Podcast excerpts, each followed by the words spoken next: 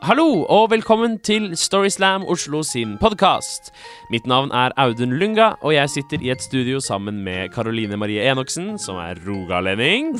ja, Ja, det stemmer. ikke sant? Eh, vi skal høre noen fortellinger i denne podkasten som ble fortalt på Kulturhuset i Oslo den 17. oktober 2016. Ja, Ja. Det skal vi. Og første forteller ut, det var også kveldens eh, Storyslam-vinner. Gratulerer til henne. Ja, Anna Kompelien var det. Eh, Og hennes fortelling den inneholder jo alt en god historie bør inneholde. Det er ferieminner, det tar oss tilbake til sol, varme, vennskap, fest, moro. Og en begravelse. Eh, jeg har vokst opp i et hjem med to foreldre som var utrolig strenge. Altså, De var så strenge.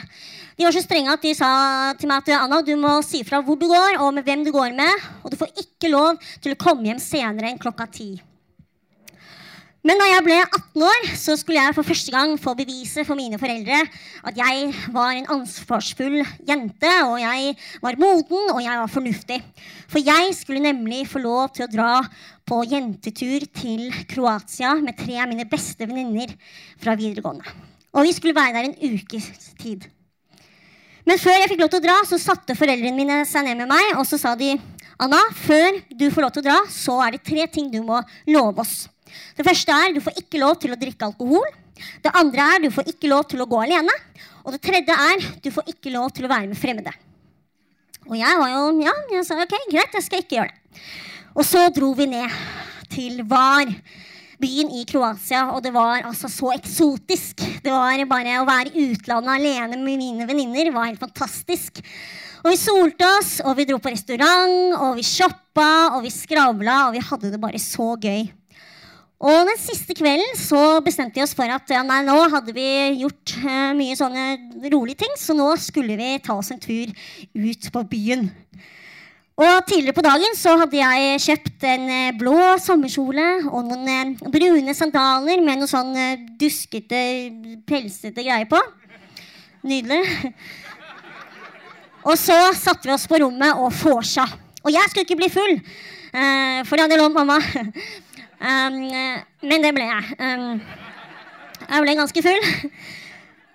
Og så eh, skal vi dra ut på dette utestedet, og det ligger litt sånn utenfor eh, den hovedplassen. Og det, Vi kommer dit, og det er bare så eksotisk. Det er sånn stort utested ved en skog. Og vi steller oss i kø. Og køsystemet der det er sånn at eh, det er dørvaktene som peker ut hvem som får lov til å komme inn. Og først så peker de på venninnen min, og hun får lov å komme inn. Og vi bare yes, yes, ok, bra, bra. Og så peker de på den andre venninnen min, og vi bare ah, yes, nå var to igjen. Og så peker han på den tredje venninnen min, og så peker han på hun bak meg. Og han peker på alle andre unntatt meg. Og jeg blir altså så sur, og jeg begynner å jeg går rett i kjelleren, og jeg bare snur på hælen og strener rett inn i skogen. Og jeg går sånn dritlangt inn i skogen og setter meg bak et tre. Og da setter jeg meg ned og furter til jeg sovner. Og når jeg våkner, så tenker jeg bare shit, jeg har sovet, og de andre lurer sikkert på hvor jeg er. Og vi hadde blitt enige om å holde sammen, og de er sikkert dritredde. Men så klarer jeg ikke å finne den andre sandalen min. Så jeg leter jo febrilsk rundt i gresset. Men så ser jeg, vet du, nedi gresset noe liksom pusete. Men det er ikke sandalen min. Det er en uglebaby. Og jeg er veldig glad i dyr, så jeg ble sånn Å, liten uglebaby.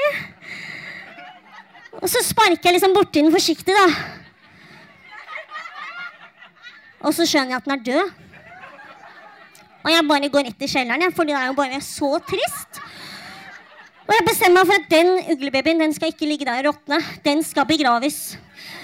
Så jeg tar den opp sånn forsiktig og tuller den inn i et, eh, inn i et lommetørkle.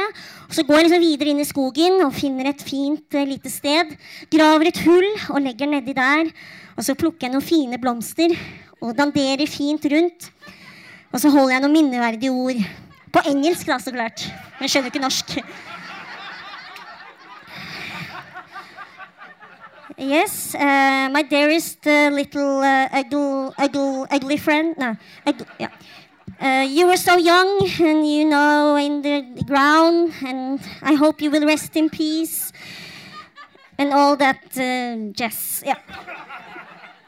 Og så kom jeg på at jeg må jo finne disse vennene mine, for de er sikkert dritredde. Så jeg eh, løper bare i en eller annen retning som jeg tror er hjemover, med én sandal. Og, og, jeg kommer heldigvis til denne hovedplassen. Og når jeg kommer dit, så skjønner jo jeg at jeg ikke finner veien hjem. Og jeg har ikke mobil. Og jeg er eh, helt alene og jeg tenker shit, nå er de dritredde for meg, og jeg får litt sånn småpanikk. Men så kommer det sånn ungt par da, gående. Og så løper jeg mot dem og bare 'Jeg trenger mobil.' Og de gir meg en mobil. Og idet jeg får den mobilen, da, så skjønner jo jeg at jeg kan jo ikke nummeret til noen av mine venninner. Og den eneste jeg husker nummeret til, det er mamma.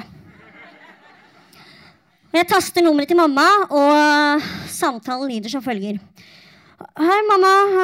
Har du nummeret til Astrid?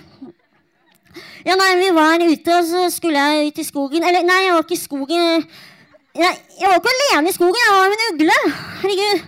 Nei, ja, så, nei, nå står jeg her. Jeg trenger nummeret til Astrid. Jeg er jo ikke alene, jeg er jo med folk. Jeg, jeg kjenner jo ikke Jeg vet jo ikke navnet på foreldrene deres. Ja, men herregud, Kan jeg bare få nummeret til Astrid? Og så får jeg nummeret til venninna mi, og så ringer jeg henne. Og hun forklarer hvor de er.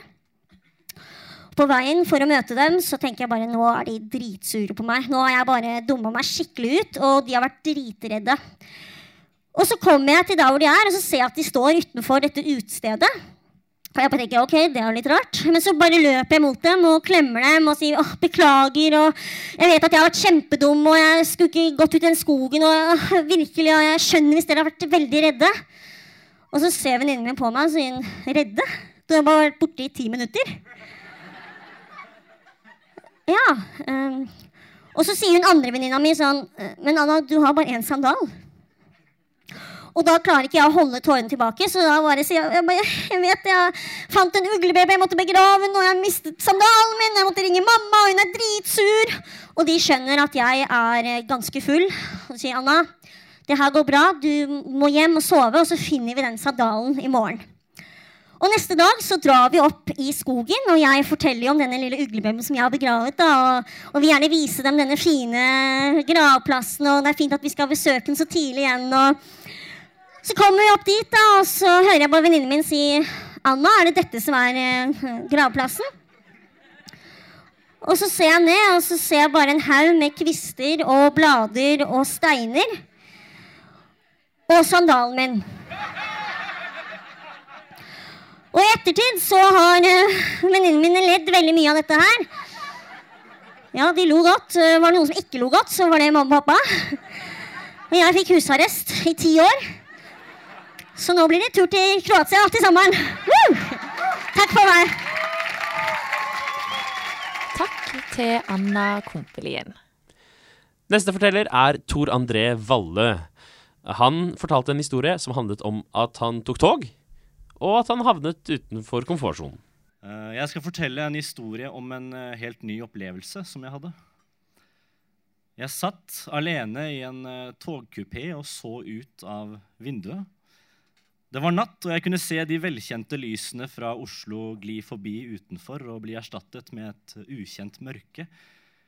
Og mens jeg satt der, så tenkte jeg på denne turen som jeg hadde da begitt meg ut på på en måte så var det litt fint å reise vekk fra Oslo. Det er ikke så ofte jeg gjør det. Så de gangene jeg gjør det, så føles det nesten litt ut som et lite eventyr. Som om jeg kommer til å oppleve noe nytt og spennende. Noe som kommer til å forandre meg som menneske, og som jeg kan fortelle om senere til andre. Men på en annen måte så er jeg ikke så veldig glad i nye opplevelser. Jeg er litt engstelig av meg. Jeg er ikke så glad i uh, uforutsigbarhet. Uh, og Derfor var det også litt godt å vite at jeg satt aleine i den uh, togkupeen. Og at jeg ikke var omringet av det som jeg ofte syns er mest uforutsigbart. Altså andre mennesker. Men så stoppet toget i Drammen. Døren bak meg den åpnet seg, og inn i kupeen så kom en godt voksen mann og en godt voksen dame. Og de to var Kanon dritings. Det var i hvert fall det hun annonserte da de kom inn i kupeen. Og den behagelige stillheten som jeg hadde sittet og marinert meg selv og mine tanker i, den forsvant. Og kupeen så ble det fylt av lyden av de som lo og hostet og rapte og harket. Og jeg håpet at de to bare skulle gå videre til en annen kupé.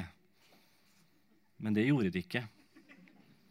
De satte seg ned i setet rett foran meg. Den godt voksne mannen satte seg ved vinduet, og den godt voksne damen satte seg ved midtgangen. Og det eneste barrikaden mellom de og meg, det var da stolryggen, som nå hadde begynt å vippe frem og tilbake foran meg, fordi de satt jo og fortsatte å le og hoste og rape og harke. Og så sa han høyt og plutselig Faen!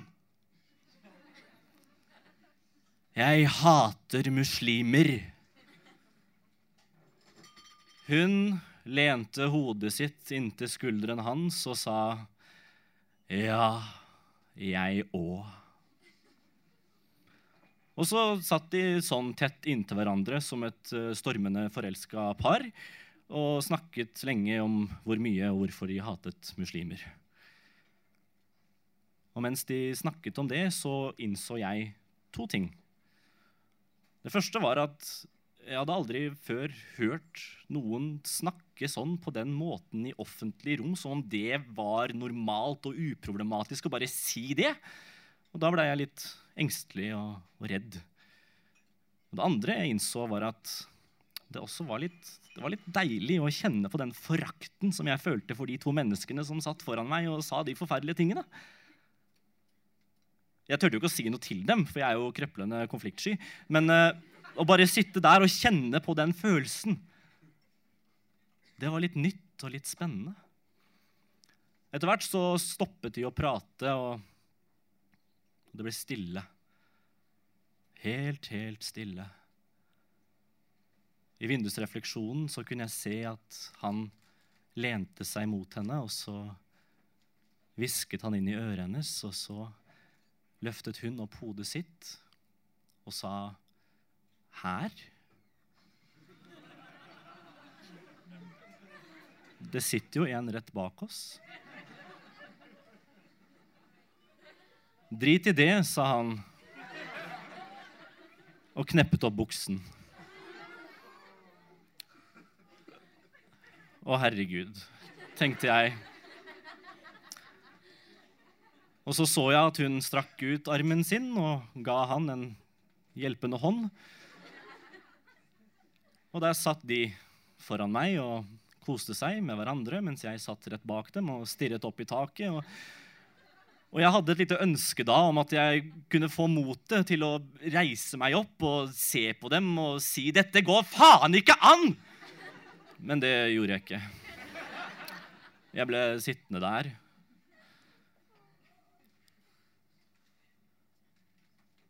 Så satte hun opp håret.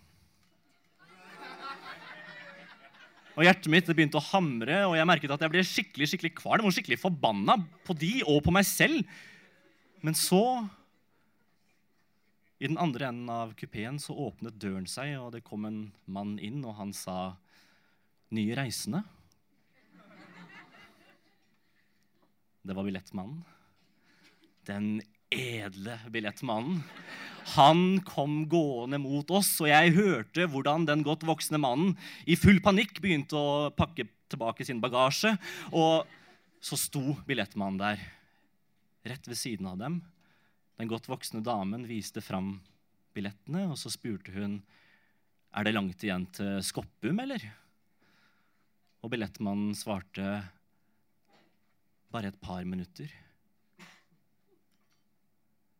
Jeg er som sagt ikke så veldig glad i nye opplevelser. Men det betyr ikke at jeg ikke setter pris på de etter at de har skjedd. For når to minutter var gått, så satt jeg igjen alene i togkupeen og kikket ut av vinduet. Og mens jeg satt der, så merket jeg at jeg egentlig var litt glad. Glad for at det var over, selvfølgelig.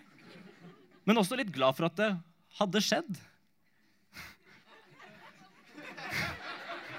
Ikke bare så hadde jeg der lært noe nytt og interessant om meg selv og noe ganske forferdelig om de to menneskene som satt foran meg. Men jeg visste jo at når toget var fremme, og når reisen var over, da ville jeg ha en historie å fortelle. En historie om en helt ny opplevelse.